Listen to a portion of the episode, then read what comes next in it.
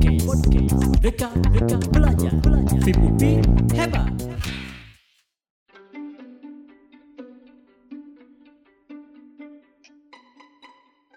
Assalamualaikum warahmatullahi wabarakatuh. Salam sejahtera bagi kita semuanya. Jumpa lagi dengan podcast MKDK Psikologi Pendidikan dan Bimbingan. Kali ini materi yang akan dibahas yaitu tentang jenis dan implementasi bimbingan bagi peserta didik. Kami berharap topik ini akan menarik perhatian dan menjadi bahan diskusi bagi para mahasiswa. Baik, di hadapan saya sudah ada narasumber yaitu Ibu Dr. Ana Hafina MPD. Bagaimana kabarnya Ibu? Alhamdulillah. Siap ya Bu untuk menyampaikan topik tentang jenis dan implementasi bimbingan bagi peserta didik? Insya Allah. Saya punya panggilan khusus untuk mahasiswa yaitu good learner. Halo good learner. Semoga semuanya dalam keadaan sehat, bersyukur, bahagia, dan semangat untuk belajar.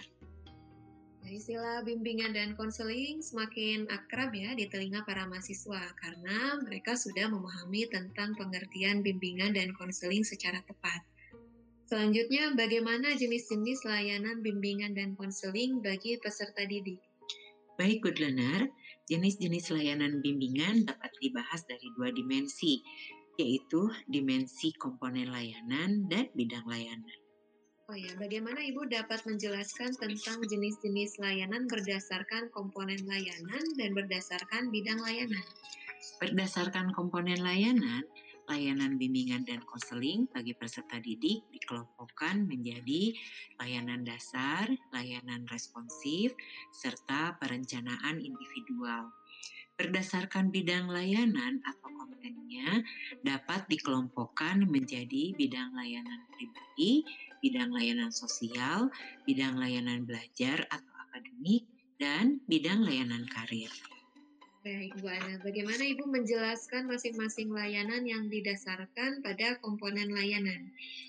Baik, good learner, saya akan menjelaskan dahulu tentang layanan bimbingan konseling berdasarkan komponennya. Pertama, layanan dasar merupakan bimbingan yang bersifat preventif dibutuhkan oleh semua peserta.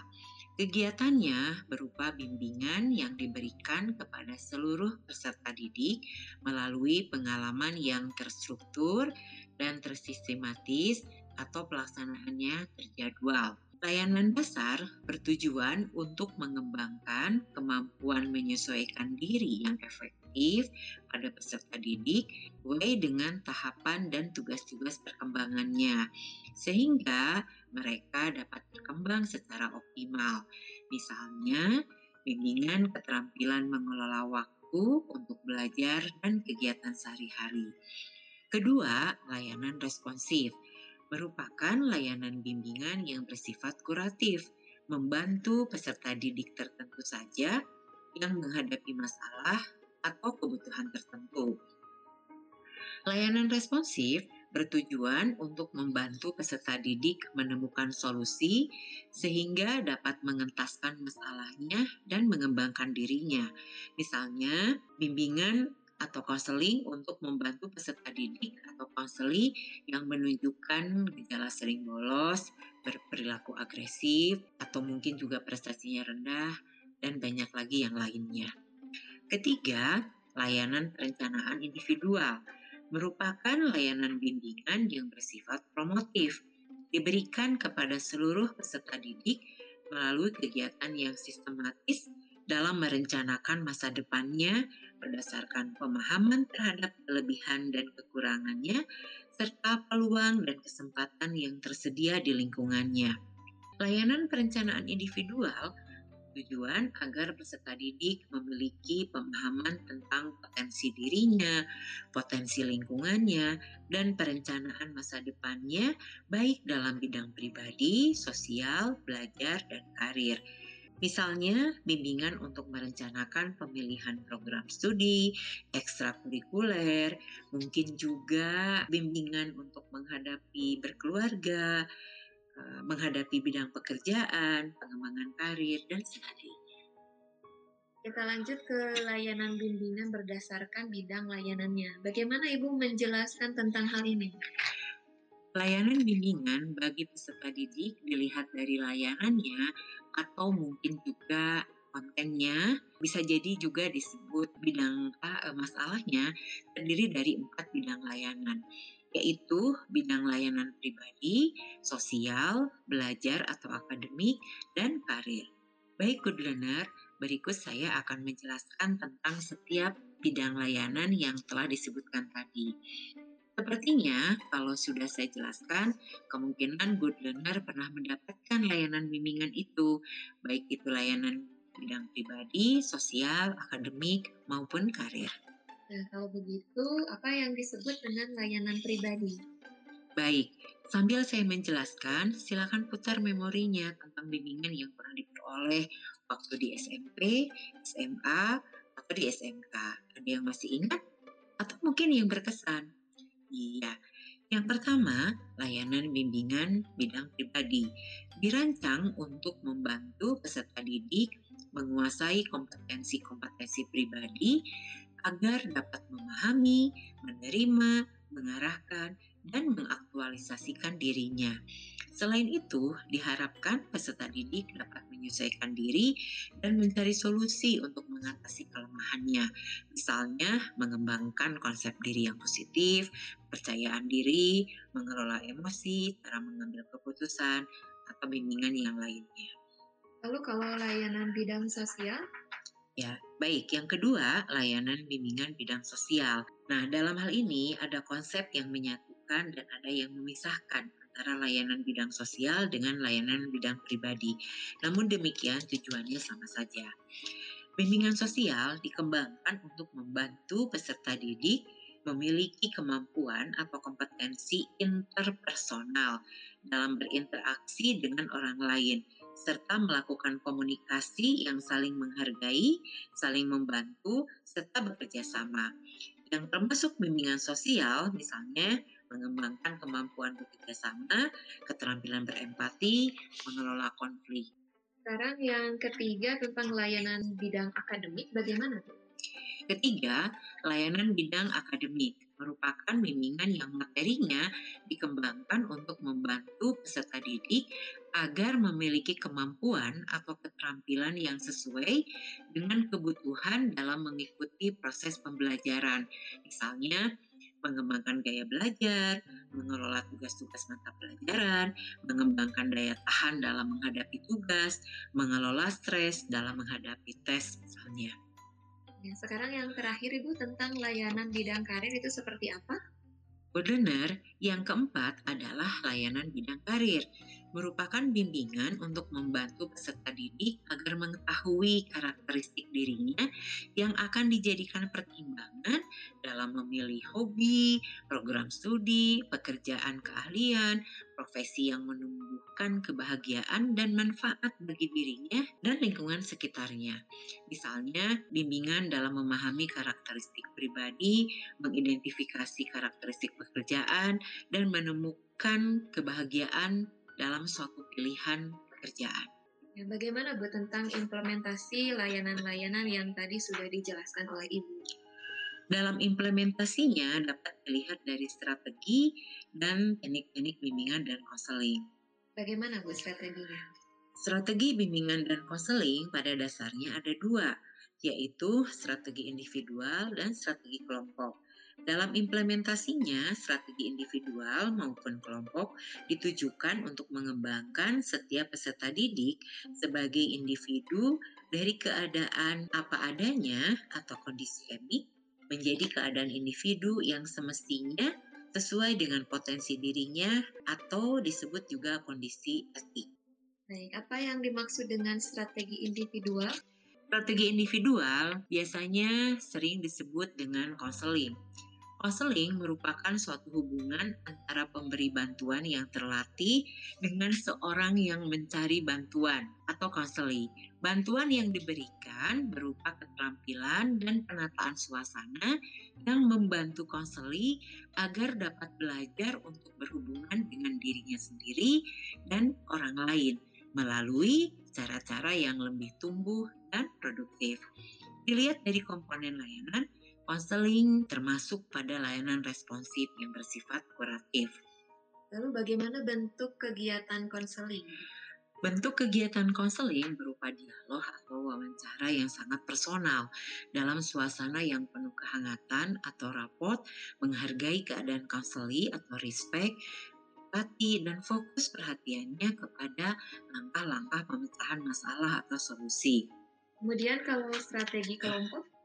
Strategi kelompok menurut saya definisi bimbingan dan konseling yang saya jelaskan tadi dengan jumlah siswa yang lebih dari satu yang menjadi khas dari bimbingan dan konseling kelompok adalah siswa belajar dari siswa yang lainnya atau di antara mereka saling belajar satu sama lainnya.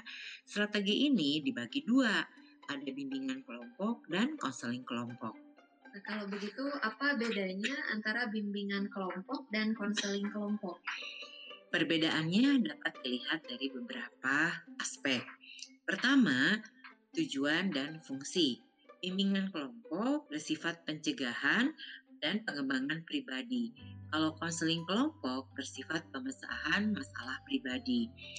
Dilihat dari jumlah anggotanya, bimbingan kelompok antara 2 sampai 15 orang konseling kelompok antara 2 sampai 7 orang. Nah, bentuk kegiatannya bimbingan kelompok berupa permainan instruksional, konseling kelompok berupa transaksional, yaitu menuntut kesediaan konseli dan konselornya untuk melakukan konseling. Dilihat dari karakteristik anggotanya, bimbingan kelompok bersifat heterogen dan juga homogen, sementara kalau konseling kelompok homogen. Peran pembimbing dalam bimbingan kelompok sebagai fasilitator dan dalam konseling kelompok sebagai konselor. Nah, dilihat dari suasana interaksinya, bimbingan kelompok suasananya pencerahan dan pendalaman, sementara konseling kelompok bersifat afeksional dan emosional. Nah, teknik yang digunakan dalam bimbingan kelompok sifatnya lebih kepada sosio-edukasional, sementara dalam konseling kelompok psikoedukasional. Dari materinya, bimbingan kelompok bersifat umum dan tidak rahasia, sementara konseling kelompok berkaitan dengan masalah pribadi dan mungkin rahasia. Nah, terakhir dari frekuensi kegiatannya. Bimbingan kelompok dilaksanakan sesuai dengan tingkat pemahaman peserta didiknya. Kalau konseling kelompok sesuai dengan tingkat ketentasan masalahnya. Baik, bagaimana bentuk kegiatan bimbingan kelompok, Ibu? Bimbingan kelompok kegiatannya berupa bimbingan yang aktivitasnya dalam kelompok kecil, yaitu 2-15 orang. Atau bisa juga dilaksanakan di kelas yang terjadwal secara sistematis dengan materi yang sifatnya preventif dan promotif. Contohnya materi keterampilan belajar, perencanaan perguruan tinggi. Ada juga aktivitas di kelas besar, yaitu pesertanya terdiri dari beberapa kelas. Sifat materinya edukasi atau informatif. Contohnya advokasi tentang cara menghindari perilaku bullying, bahaya merokok, dan bahaya narkoba. Bagaimana dengan bentuk kegiatan konseling kelompok?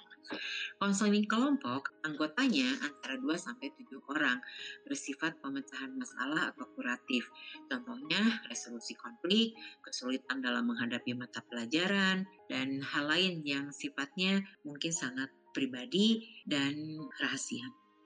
Baik, Ibu, dalam strategi bimbingan dan konseling, apakah ada media dan teknologi yang digunakan? Betul. Dalam melaksanakan strategi bimbingan dan konseling, ada faktor media yang membantu pelaksanaannya. Dalam konseling individual, biasanya dilakukan secara face-to-face. Tapi dalam kondisi penggunaan teknologi, bisa saja. Seperti misalnya dalam kondisi pandemi seperti ini, dimungkinkan menggunakan teknologi, baik itu teknologi audio, mulai dari telepon misalnya, kemudian juga visual, bisa video call, atau mungkin juga menggunakan beberapa media yang sekarang sering digunakan ya untuk berkomunikasi. Bisa juga melalui tulisan, apakah itu misalnya dalam media atau sosial media yang tentu saja harus memperhatikan privatisasinya dengan segala kelebihan dan kekurangannya dari teknologi-teknologi tersebut. Baik, bagaimana penggunaan media dalam bimbingan kelompok? Dalam bimbingan kelompok, terutama untuk sasaran layanan yang lebih banyak, dapat menggunakan teknologi komunikasi berupa audio, visual, dan media yang lebih luas jangkauannya, seperti media sosial atau fasilitas pertemuan melalui internet, atau berupa tulisan seperti papan atau mading, leaflet, text banner, atau media tulisan lainnya. Ya, terima kasih banyak Ibu atas kesempatan untuk membahas tentang jenis dan implementasi layanan bimbingan dan konseling bagi peserta didik.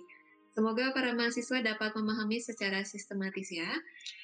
Semoga dengan penjelasan tadi, para mahasiswa dapat lebih memahami tentang jenis layanan bimbingan konseling bagi peserta didik yang dibahas berdasarkan komponen layanan, bidang layanan, strategi, dan media yang dapat digunakan dalam pelaksanaan layanan bimbingan dan konseling.